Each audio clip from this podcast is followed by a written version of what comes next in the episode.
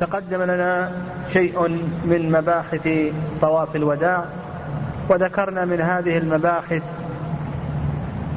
حكم طواف الوداع وعلى من يجب وإذا خرج ولم يطف للوداع ومتى يبطل طواف الوداع ومتى لا يبطل وأيضا تخفيفه عن الحائض والنفساء وما يتعلق أيضا بالوقوف بالملتزم وما المراد به ومتى يكون الوقوف بالملتزم إلى آخره. هذه المباحث تقدمت لنا. وتكلمنا أيضا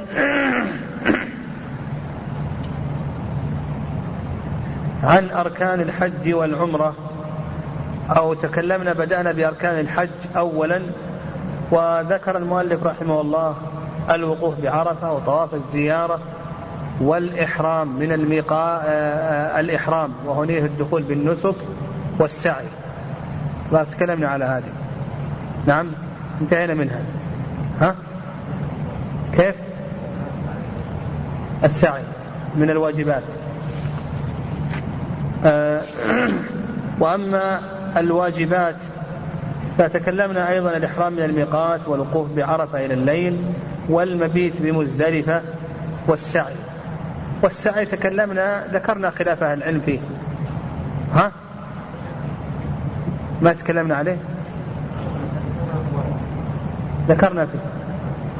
ثلاث أقوال. ذكرنا أدلته. طيب. ذكرنا ثلاثة آراء فيه. الرأي الأول أنه ركن وهذا قول جمهور أهل العلم والرأي الثاني أنه واجب وهذا مذهب الحنفية على تفصيل عندهم والرأي الثالث أنه سنة. وقلنا بأن قال, قال به بعض السلف وذكرنا دليل كل قول. ظهر ذكرنا دليل كل قول. ذكرنا الأدلة. ها؟ زين طيب الحمد لله.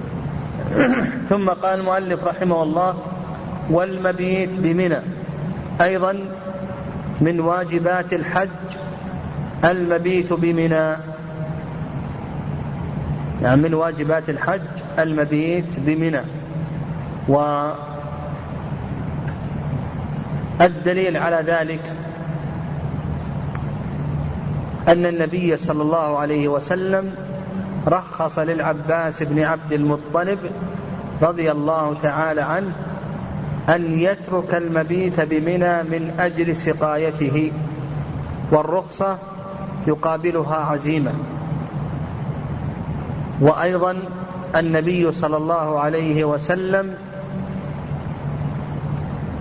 رخص للرعاة في ترك البيتوتة بمنى من أجل الرعاية.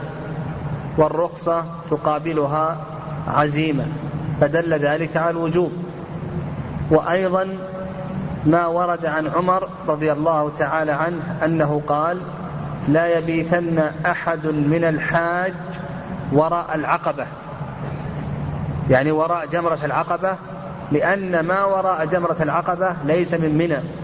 وكان عمر رضي الله تعالى عنه يبعث أناسا يدخل كل من كان وراء العقبة إلى منى.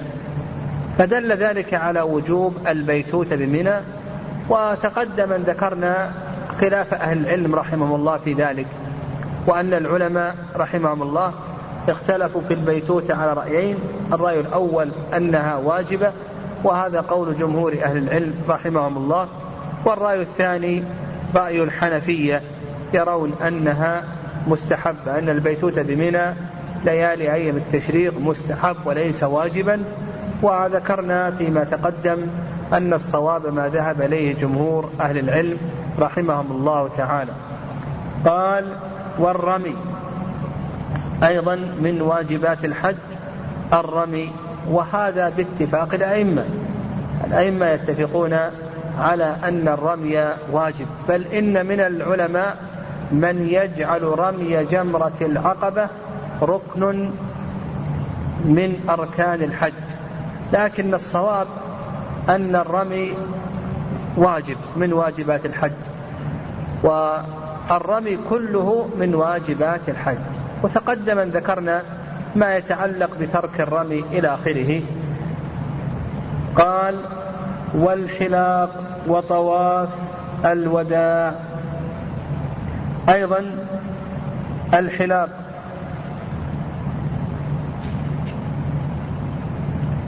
الحلق أو التقصير هذا واجب من واجبات الحج.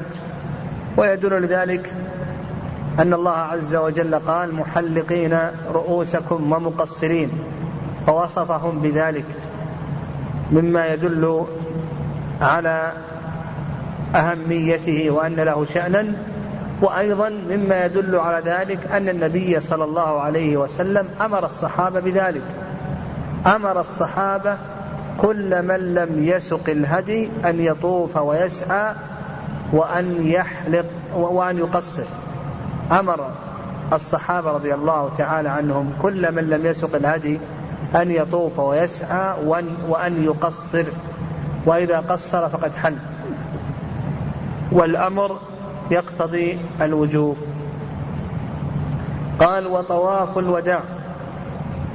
أيضا طواف الوداع واجب من واجبات الحج وذكرنا الخلاف فيما تقدم في الدرس السابق وذكرنا أوردنا حديث ابن عباس رضي الله تعالى عنهما أن النبي صلى الله عليه وسلم قال آه نعم أن ابن عباس قال أمر الناس أن يكون آخر عهد بالبيت إلا أنه خفف عن الحائض.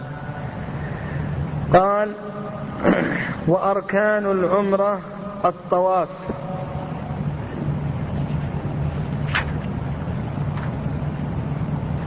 أركان العمرة الطواف. لم يذكر المؤلف رحمه الله من أركان العمرة إلا ركنا واحدا وهو الطواف.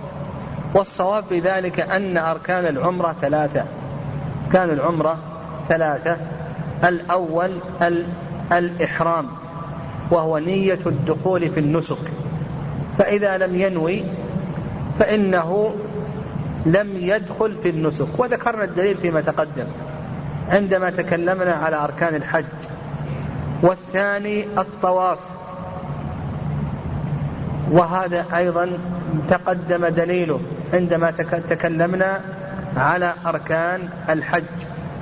والثالث السعي. وهذا أيضا ذكرنا دليله والخلاف فيه عندما تكلمنا على أركان الحج.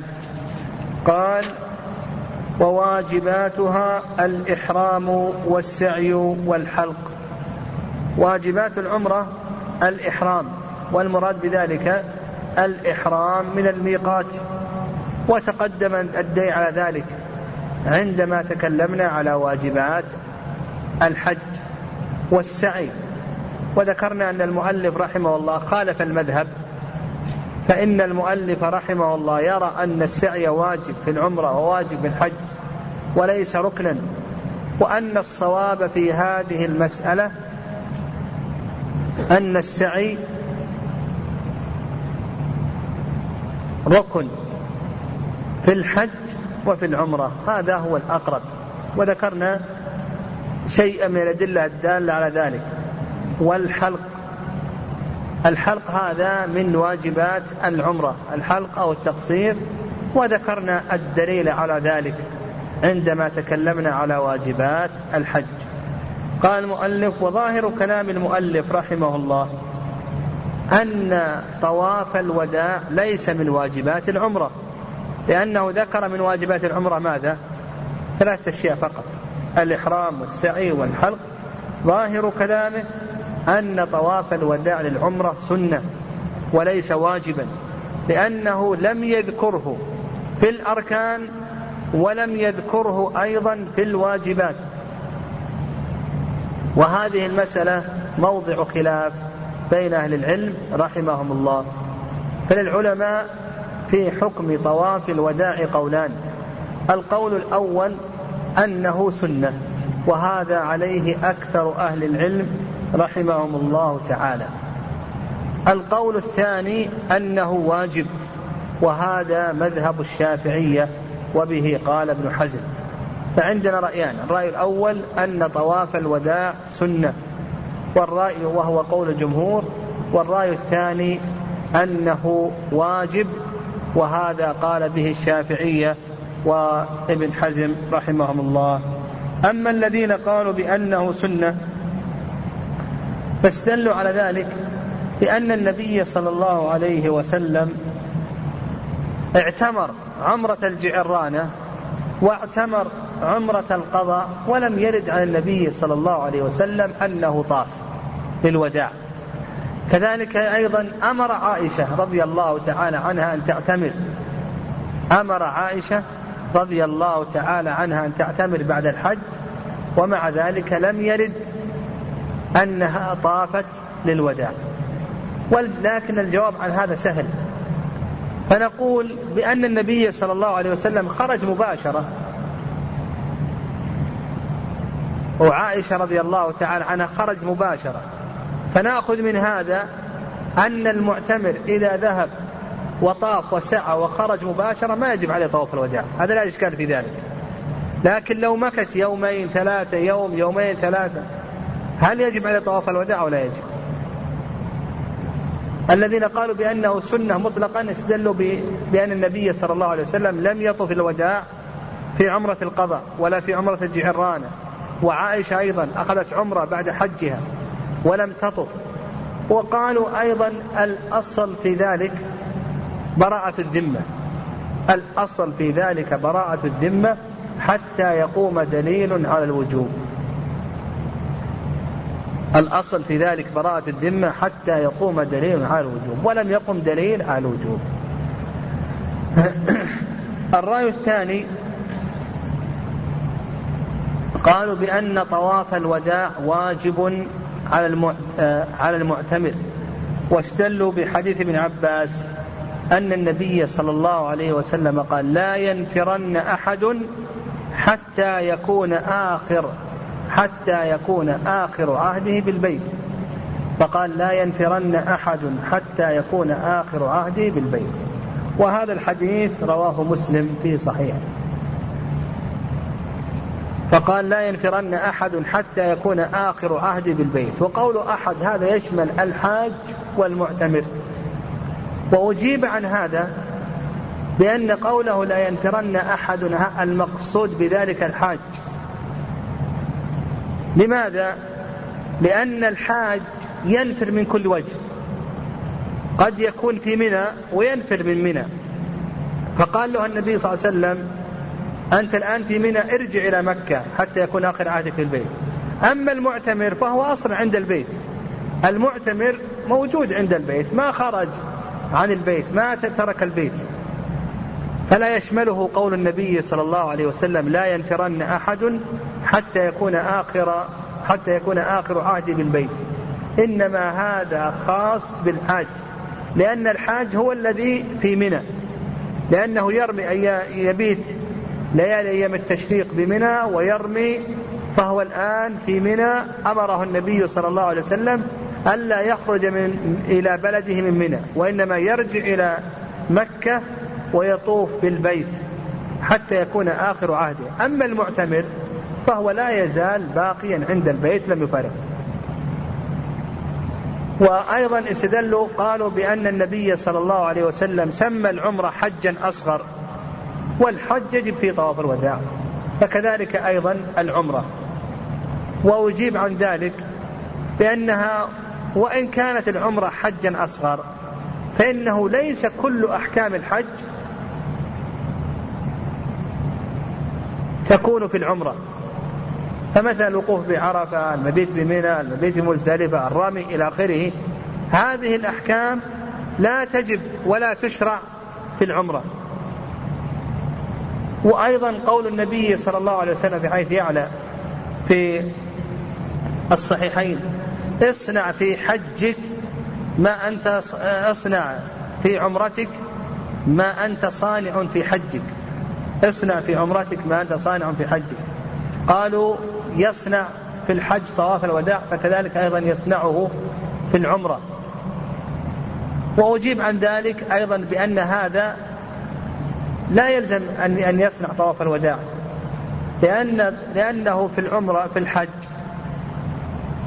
يصنع الوقوف بعرفة والمبيت مزدلفة المبيت منى بمنى. ومع ذلك هذه الأشياء لا يصنعها في العمرة بالاتفاق.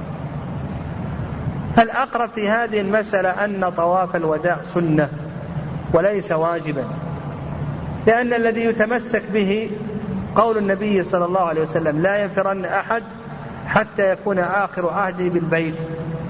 وهذا إنما هو في الحاج لأن الحاج هو الذي يكون في منى. فأمره النبي صلى الله عليه وسلم ألا ينفر من منى إلى بلده وإنما يرجع إلى البيت. وأما تسمية العمرة بالحج الأصغر وقول النبي صلى الله عليه وسلم اصنع في عمرتك ما أنت صانع بحجك إلى آخره. نقول هذا لا يشمل كل شيء هذا لا يشمل كل شيء ومن ذلك طواف الوداع.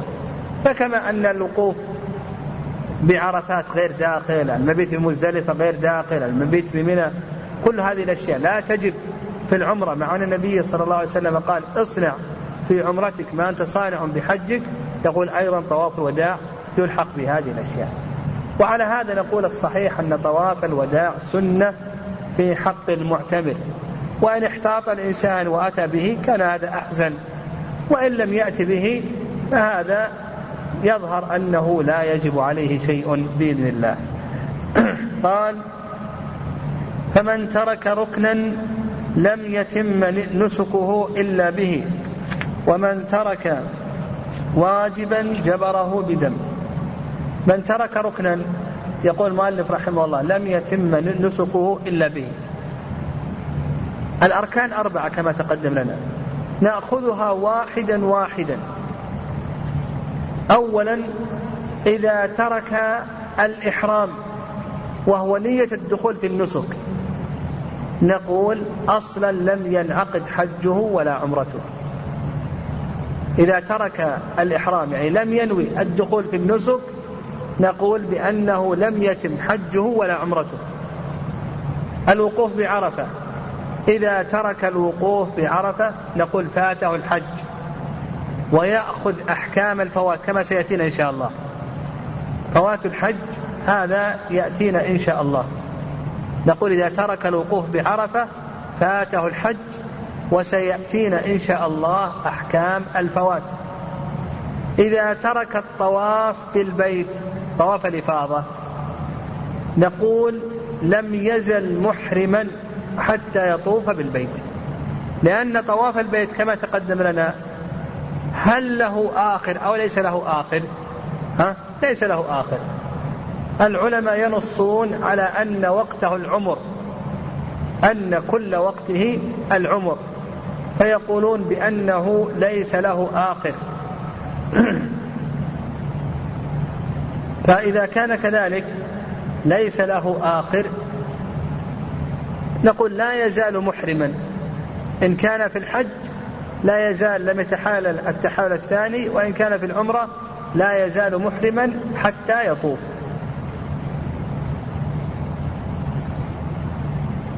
الركن الرابع السعي. أيضا إذا ترك السعي السعي وقته العمر كله.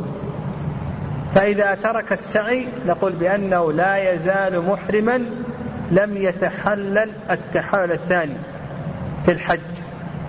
وفي العمرة لا يزال محرما. طيب قال ومن ترك واجبا وجبره بدم.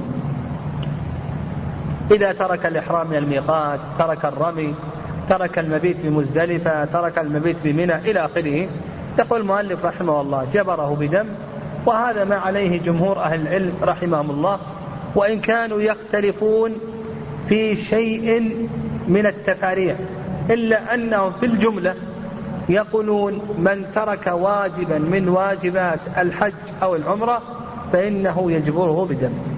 واستدلوا على ذلك بأدلة. يعني على إيجاب الدم استدلوا على ذلك بأدلة. من أدلتهم على ذلك قول النبي صلى الله قول الله عز وجل فإن أحسرتم فإن أحسرتم فما استيسر من الهدي. فإن أحسرتم فما استيسر من الهدي. وهذا يشمل ما إذا أحسر عن واجب. فقال الله عز وجل فما استيسر من الهدي. يعني لو منع عن الرمي عن المبيت عن إلى آخره.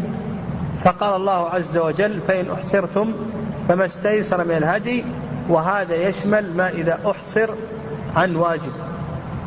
وأيضا استدلوا على ذلك بما ورد عن ابن عباس رضي الله تعالى عنهما أن النبي صلى الله عليه وسلم نعم ما ورد عن ابن عباس رضي الله تعالى عنهما أنه قال من ترك شيئا من نسكه أو نسيه فليهرق لذلك دما. وقوله دما هذا إنما يكون في الواجب لأن المستحب لم يرد في الشرع جبره. يعني المستحب لم يرد في الشرع أنه يجب جبره. وإنما الذي يجب جبره هو الواجب.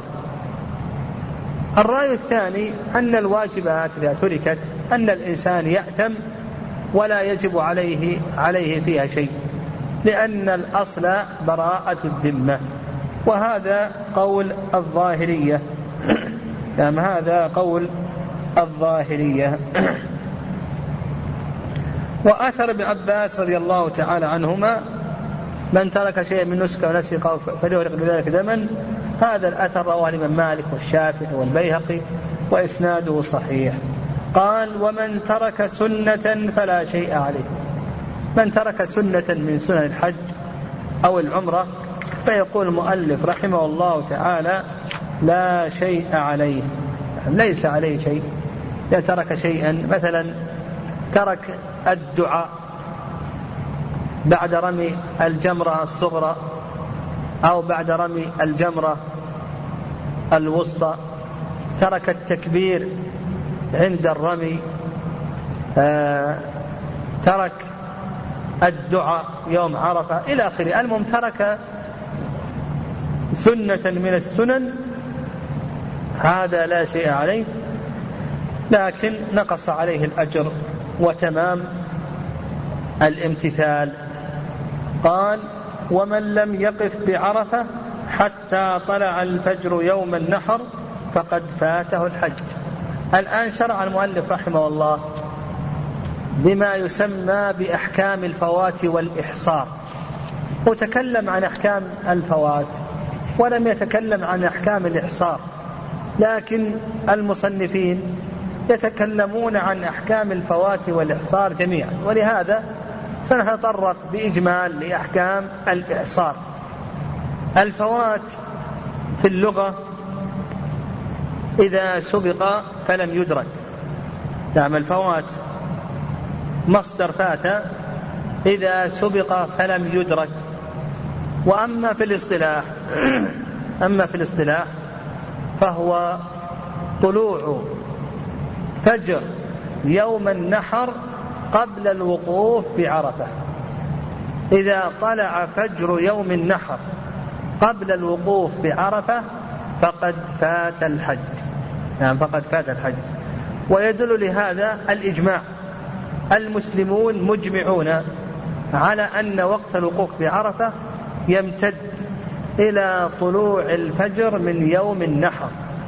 وأن الإنسان إذا طلع عليه فجر يوم النحر ولم يقف بعرفة فقد فاته الحج ويدل لهذا أيضا مع الإجماع. حديث عبد الرحمن بن يعمر الديلي أن النبي صلى الله عليه وسلم قال الحج عرفة.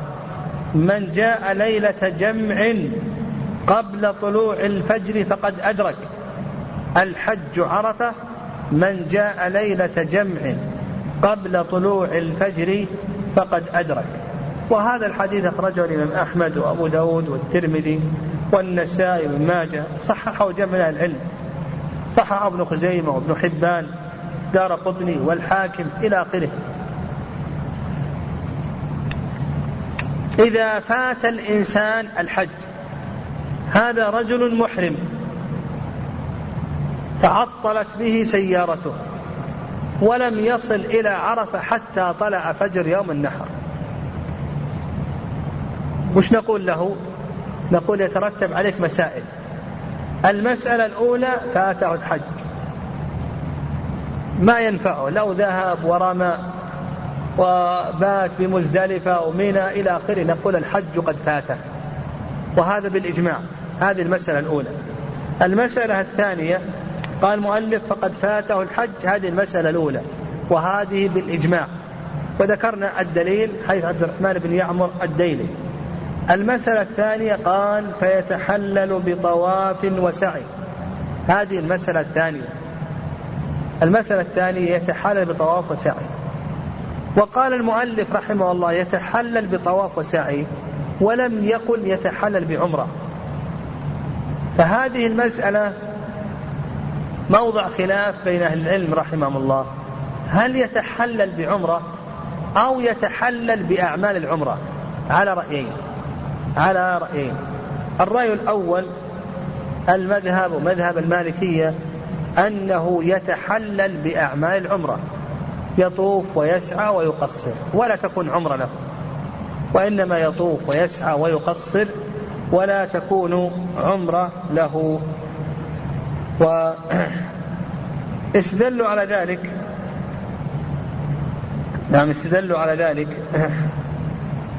بقول النبي صلى الله عليه وسلم نعم بقول عمر نعم استدلوا على ذلك بقول عمر رضي الله تعالى عنه لأبي أيوب لما فاته الحج اصنع كما يصنع المعتمر اصنع كما يصنع المعتمر. فقال اصنع كما يصنع المعتمر. وهذا الحديث رواه مالك والشافعي والبيهقي وإسناده صحيح. والرأي الثاني أنه يتحلل بعمرة.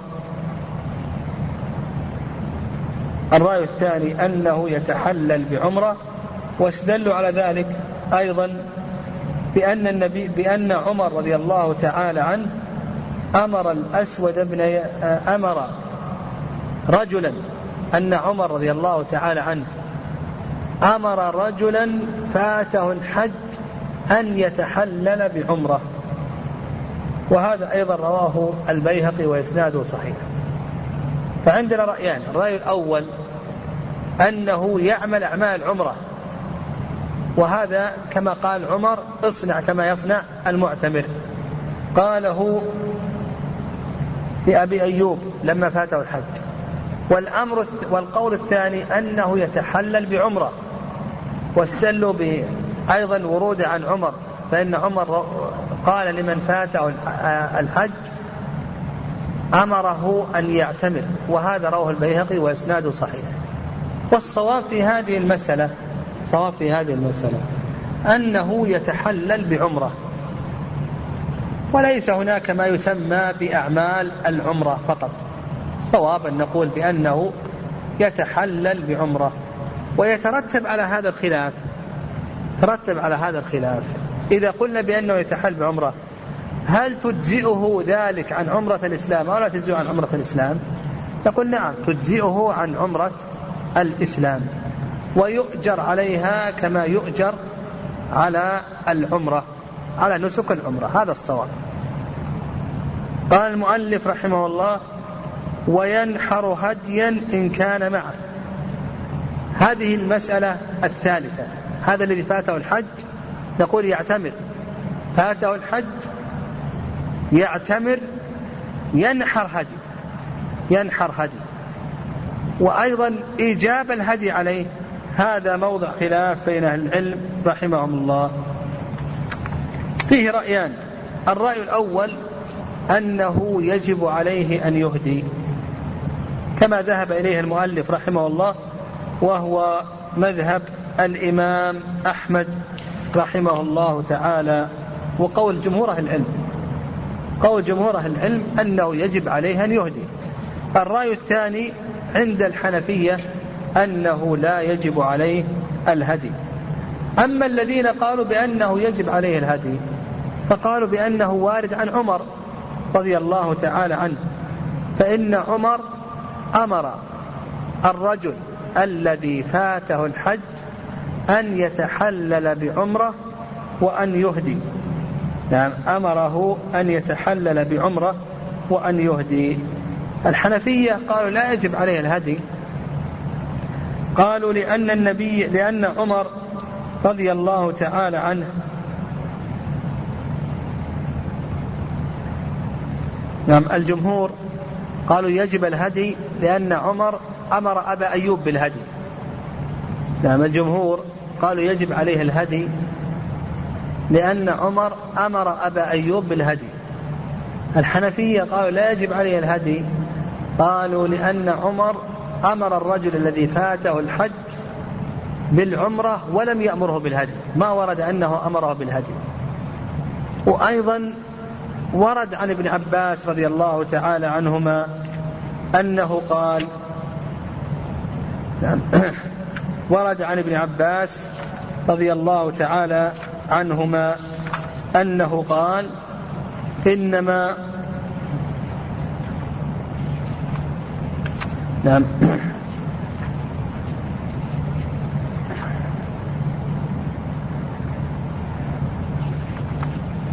آه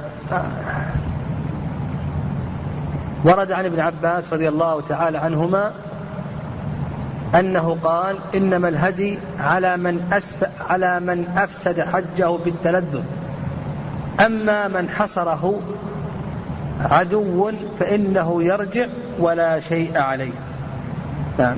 ابن عباس رضي الله تعالى عنهما ورد عنه أنه قال إنما الهدي على من أفسد حجه بالتلذذ.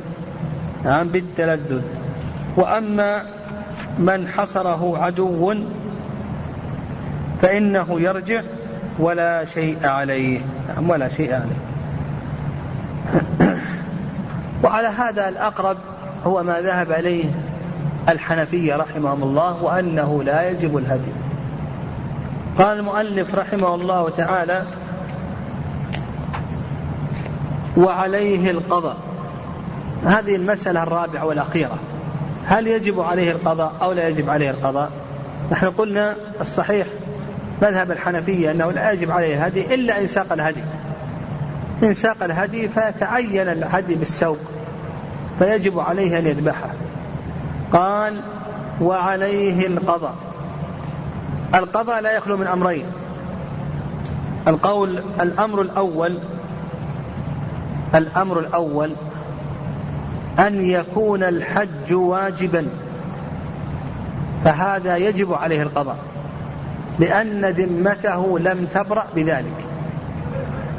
الأمر الثاني أن يكون الحج تطوعا. الأمر الثاني أن يكون الحج تطوعا. ليس واجبا. فهل يجب عليه إذا فاته الحج أن يقضي أو لا يجب عليه؟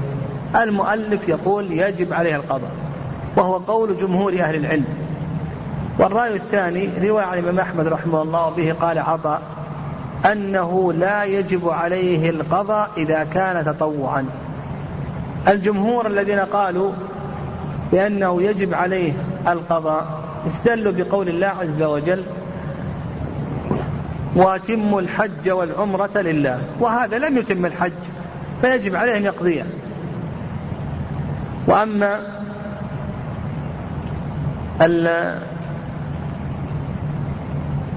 الرأي الثاني الذين قال يجب عليه القضاء. فاستدلوا على ذلك بأن الله عز وجل قال فإن أحصرتم فما استيسر من الهدي. فإن أحصرتم فما استيسر من الهدي. فلم يوجب الله في الإحصار إلا الهدي. ولم يوجب القضاء. وأيضا استدلوا بقول النبي صلى الله عليه وسلم الحج مرة فمن زاد فمتطوع. الحج مرة فمن زاد فمتطوع. فكونه يجب عليه الحج إذا فات يكون الحج يجب عليه أكثر من مرة. والنبي صلى الله عليه وسلم يقول الحج مرة فمن زاد فهو متطوع فالصواب في هذه المسألة أنه لا يجب عليه القضاء أيضا. نعم لا يجب عليه القضاء أيضا. وأما قوله سبحانه وتعالى وأتم الحج والعمرة لله.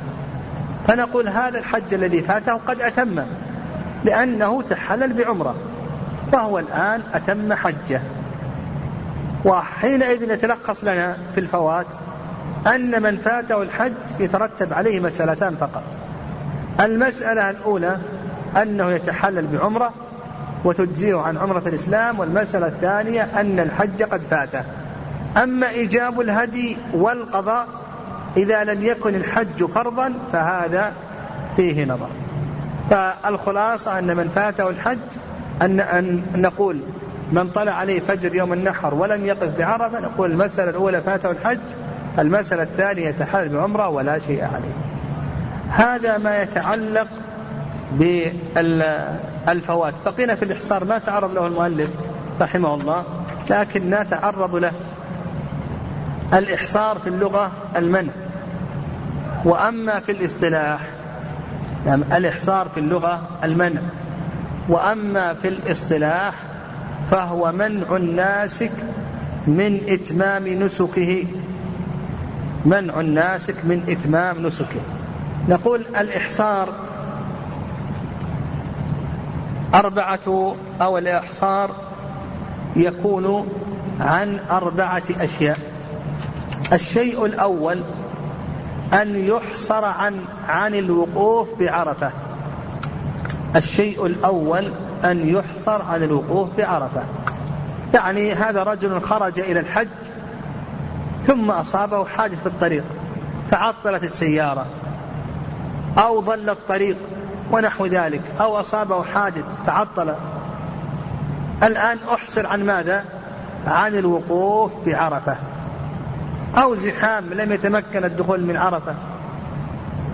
فما, فما الحكم هنا إذا أحصى عن الوقوف بعرفة؟ نقول هذا لا يخلو من أمرين. الأمر الأول أن يطلع عليه الفجر قبل أن يقف بعرفة. فجر يوم النحر قبل أن يقف بعرفة. فهذا نقول حكم حكم ماذا؟ الفوات. نقول حكم حكم الفوات. إذا أحسن على الوقوف بعرفة نقول هذا إن طلع عليه الفجر. ولم يتمكن من الوقوف نقول هذا حكم حكم الفوات. الأمر الثاني أن يقلب حجه إلى عمرة ويتحلل بعمرة. نقول الأمر الثاني حتى الآن ما فات الحج باقي وقت الوقوف لكن لا يتمكن. فنقول يقلب حجه إلى عمرة لأن قلب الحج إلى عمرة هذا جائز. نعم هذا جائز مع عدم الإحصار. فمع الإحصار من باب أولى. يقلب حجه إلى عمرة ويذهب ويتحال بعمرة ولا شيء عليه. هذا الأمر الأول وهو ما إذا أحصر عن ماذا؟ أحصر عن الوقوف بعرفة الأمر الثاني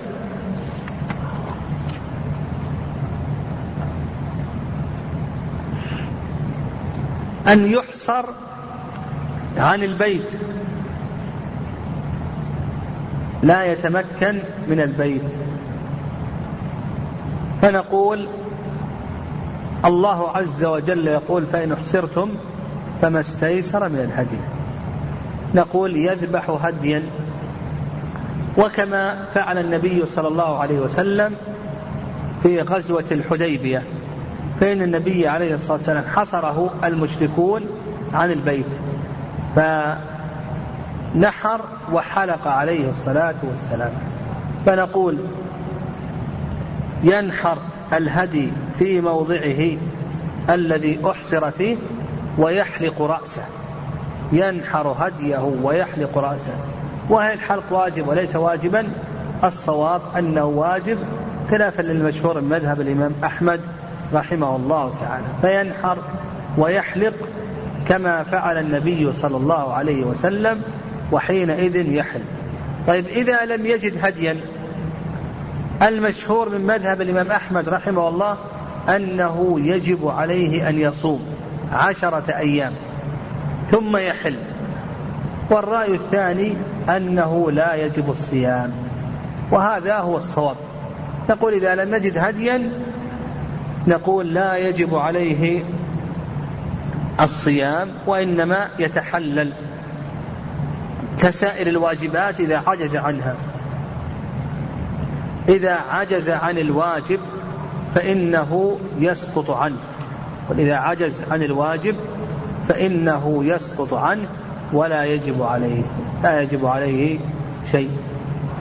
هذا القسم الثاني وهو ما إذا أحسر عن البيت. القسم الثالث القسم الثالث إذا أحسر عن واجب من واجبات الحج. إذا أحصر عن واجب من واجبات الحج. العلماء يقولون لا يتحلل يعني يستمر على إحرامه ويكمل حجه وعليه دم. فمثلا أحصر عن المبيت بمزدلفة بسبب الزحام لم يتمكن من المبيت بمزدلفة حتى طلع الفجر. يقول لا يتحلل وعليه دم. أحصر عن المبيت بمنى أحصر عن الوقوف في الرمي إلى آخره. يقول لا يتحلل وعليه دم. نعم. ويستدلون بقول الله عز وجل فإن أحصرتم فما استيسر من الهدي. وإيجاب الدم كما تقدم فيه الخلاف. يعني فيه خلاف. ولعله يخفف عن المعذور. ما دام أنه لم ينتهض دليل صريح في إيجاب الدم في الواجبات. نقول يخفف عن المعذور. آه الأمر الرابع القسم الرابع الإحصار عن طواف الإفاضة والسعي. الإحصار عن طواف الإفاضة والسعي. فهذا العلماء يقولون إذا أحصر عن طواف الإفاضة فقط دون البيت. وإنما أحصر عن طواف الإفاضة فقط. يقولون لا يتحلل. هذا المشهور من مذهب الإمام أحمد رحمه الله. إذا أحصر عن طواف الإفاضة لا يتحلل حتى يطوف ويبقى محرما لأن وقته العمر كله ومثله السعي أيضا. هذا المشهور مذهب الإمام أحمد رحمه الله. والرأي الثاني رأي الشافعية. أنه إذا أحصر عن طواف الإفاضة أنه يتحلل. إذا أحصر عن طواف الإفاضة يتحلل لكن يفوته الحج أو لا يفوته الحج؟ نعم يفوته الحج. نعم يفوته الحج. وهذا يتصور يعني إنسان مثلا آه، خرج قبل طواف الإفاضة. ولم يطف للإفاضة. وتعذر عليه أنه يرجع. فعلى مذهب الشافعية يقولون بأنه يكون محصر يذبح حج يكون محصر. ويكون فاته الحج. الركن ما أتى به. لكن عراي الحنابلة لا يزال ماذا؟ لا يزال محرم. وهذا في مشقة. قد يكون راجع إلى بلاده في اندونيسيا وهو ما طاف الإفاضة ويعصب عليه أنه يرجع مرة ثانية. يكون محرم هذا صعب. فالشافعية رحمه الله قولهم أرجع. لكن نقول بأن الحج قد فات لأن لم يأتي بركن من أركان الحج. المسألة الأخيرة في الإحصار هل الإحصار خاص بالعدو أو ليس خاصا بالعدو؟ الجمهور أن الإحصار خاص بالعدو. يعني لو أنه أحصره حادث عن البيت هل يكون محصرا أو لا يكون محصر على رأي الجمهور؟ ها؟ لا يكون محصر أو أحصره مرض لا يكون محصر يبقى على إحرامه حتى يقدر على البيت. هذا على رأي الجمهور. إذا أحصره حادث أو مرض أو ضيع نفقة ونحو ذلك أو ضيع رفقة يقولون بأنه لا يكون إحصارا إلا بإحصار ماذا؟ العدو. والعلماء يتفقون على ثلاثة أشياء. العدو والفتنة والحبس بظلم. العدو والفتنة والحبس ظلما. هذه الأشياء الثلاثة يكون فيها الإحصار. غير هذه الأشياء الثلاثة هل يكون فيها إحصار أو لا يكون؟ الجمهور لا يكون فيها إحصار. مثل الحادث حادث سيارة ضياع النفقة المرض لا يكون محصرا. الحنفية يقولون يكون محصرا. يعني الحنفية لا يخصونه بهذه الأشياء. فإذا أحصره مرض أو حادث أو ضياع نفقة أو ظل الطريق يقولون يكون محصرا. وهذا القول هو الصواب. يعني ما ذهب إليه الحنفية هو الصواب في هذه المسألة.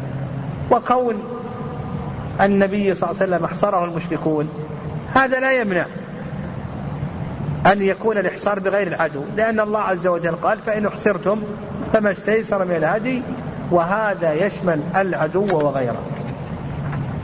ثم قال المؤلف رحمه الله تعالى وإذا أخطأ الناس العدد فوقفوا في غير عرفة أجزأهم ذلك وإن فعل نفر منهم فقد فاتهم الحج. إذا أخطأ الناس العدد فوقفوا في غير يوم عرفة. هذا لا يخلو من أمرين. الأمر الأول أن يقفوا في اليوم الثامن. أن يقفوا في اليوم الثامن. ويعلموا قبل فوات الوقوف. ويعلموا قبل فوات الوقوف. فإن تمكن الإمام أن يقف بهم في اليوم التاسع وقف بهم. وإن لم يتمكن أجزأهم ذلك. يقول هذا لا يخلو من أمرين. الأمر الأول أن يقفوا في اليوم الثامن ثم يعلموا قبل فوات الوقوف. إن علموا بعد فوات اليوم التاسع أجزأهم هذا لا إشكال. لكن إن علموا قبل فوات اليوم التاسع نقول إن تمكن الإمام أن يذهب وأن يقف بهم وجب وإن لم يتمكن فإنه لا يجزئهم فإنه لا يجزئهم. القسم الثاني القسم الثاني أن يقفوا نعم لحظة بس. نعم قلنا القسم الأول أن يقفوا في اليوم الثامن. فهذا إن, إن لم يعلموا إلا بعد فوات اليوم التاسع يجزئهم. وإن علموا قبل فوات اليوم التاسع حتى الآن ما ما انتهى وقت الوقوف. ما طلع فجر يوم النحر. نقول إن تمكن الإمام أن يذهب وأن يقف بهم وجب. إذا لم يتمكن أجزأهم. إن وقفوا في اليوم العاشر إن وقفوا في اليوم العاشر فنقول بأن وقوفهم صحيح. إذا وقع هذا من الحجاج كلهم أو أكثرهم. إن وقفوا في اليوم العاشر هذا القسم الثاني. القسم الثاني إذا وقفوا في اليوم العاشر نقول بأن هذا الوقوف صحيح إذا وقع من الحجاج كلهم أو أكثرهم. ثم قال المؤلف رحمه الله ويستحب لمن حج زيارة قبر النبي صلى الله عليه وسلم وقبري صاحبيه رضي الله عنهما. هذا الكلام فيه نظر. لأن هذا الكلام يتضمن شد الرحل إلى القبور. وشد الرحل إلى القبور هذا ليس من سنة النبي صلى الله عليه وسلم بل قال النبي صلى الله عليه وسلم لا تشد الرحال إلا إلى ثلاثة مساجد المسجد الحرام ومسجد هذا والمسجد الأقصى. والأحسن في العبارة أن يقول المؤلف رحمه الله ويستحب لمن حج زيارة مسجد النبي صلى الله عليه وسلم. بدلا من أن يقول قبر النبي عليه الصلاة والسلام يقول يستحب لمن حج زيارة مسجد النبي صلى الله عليه وسلم. ويستحب لمن زار المسجد أن يزور النبي صلى الله عليه وسلم. هذا الكلام الصواب. أما القول هكذا يستحب لمن حج زيارة قبر النبي صلى الله عليه وسلم هذا فيه نظر. لأن ذكرنا أن هذا يتضمن ماذا؟ يتضمن شد الرحل ل آه، آه، يتضمن هذا شد الرحل لقبر النبي صلى الله عليه وسلم. واعلم أيضا أن زيارة المسجد النبوي هذه ليست من مناسك الحج. ليست من مناسك الحج لكن العلماء يذكرونها بعض العلماء يذكرونها. لماذا يذكرونها؟ يذكرونها لأن الناس يأتون من أماكن بعيدة. وقد يصعب عليهم أنهم يرجعوا مرة أخرى خصوصا في الزمن السابق. يأتون من المغرب ومن المشرق ومن أماكن بعيدة. حتى في يومنا هذا قد الإنسان يجلس سنوات ما جاء إلى مكة. فإذا جاء خلاص خرج ولا يعود إلى أن يموت. لا يعود أبدا. فقالوا أنه يستحب لمن جاء إلى هذه البلاد أن يغتنم الفرصة وأن يذهب إلى المسجد ويزور المسجد النبوي. المسجد النبوي شد له الرحم. لكن نعلم أن زيارة المسجد النبوي هذه ليست من مناسك. ماذا؟ ليست من مناسك الحج. لكنها سنة شد الرحل له سنة وقربة يثاب عليها الإنسان مستقلة لكن قلنا مناسبة إدخالها في كتاب الحج ماذا؟ أن الناس يأتون من أماكن بعيدة إلى آخرة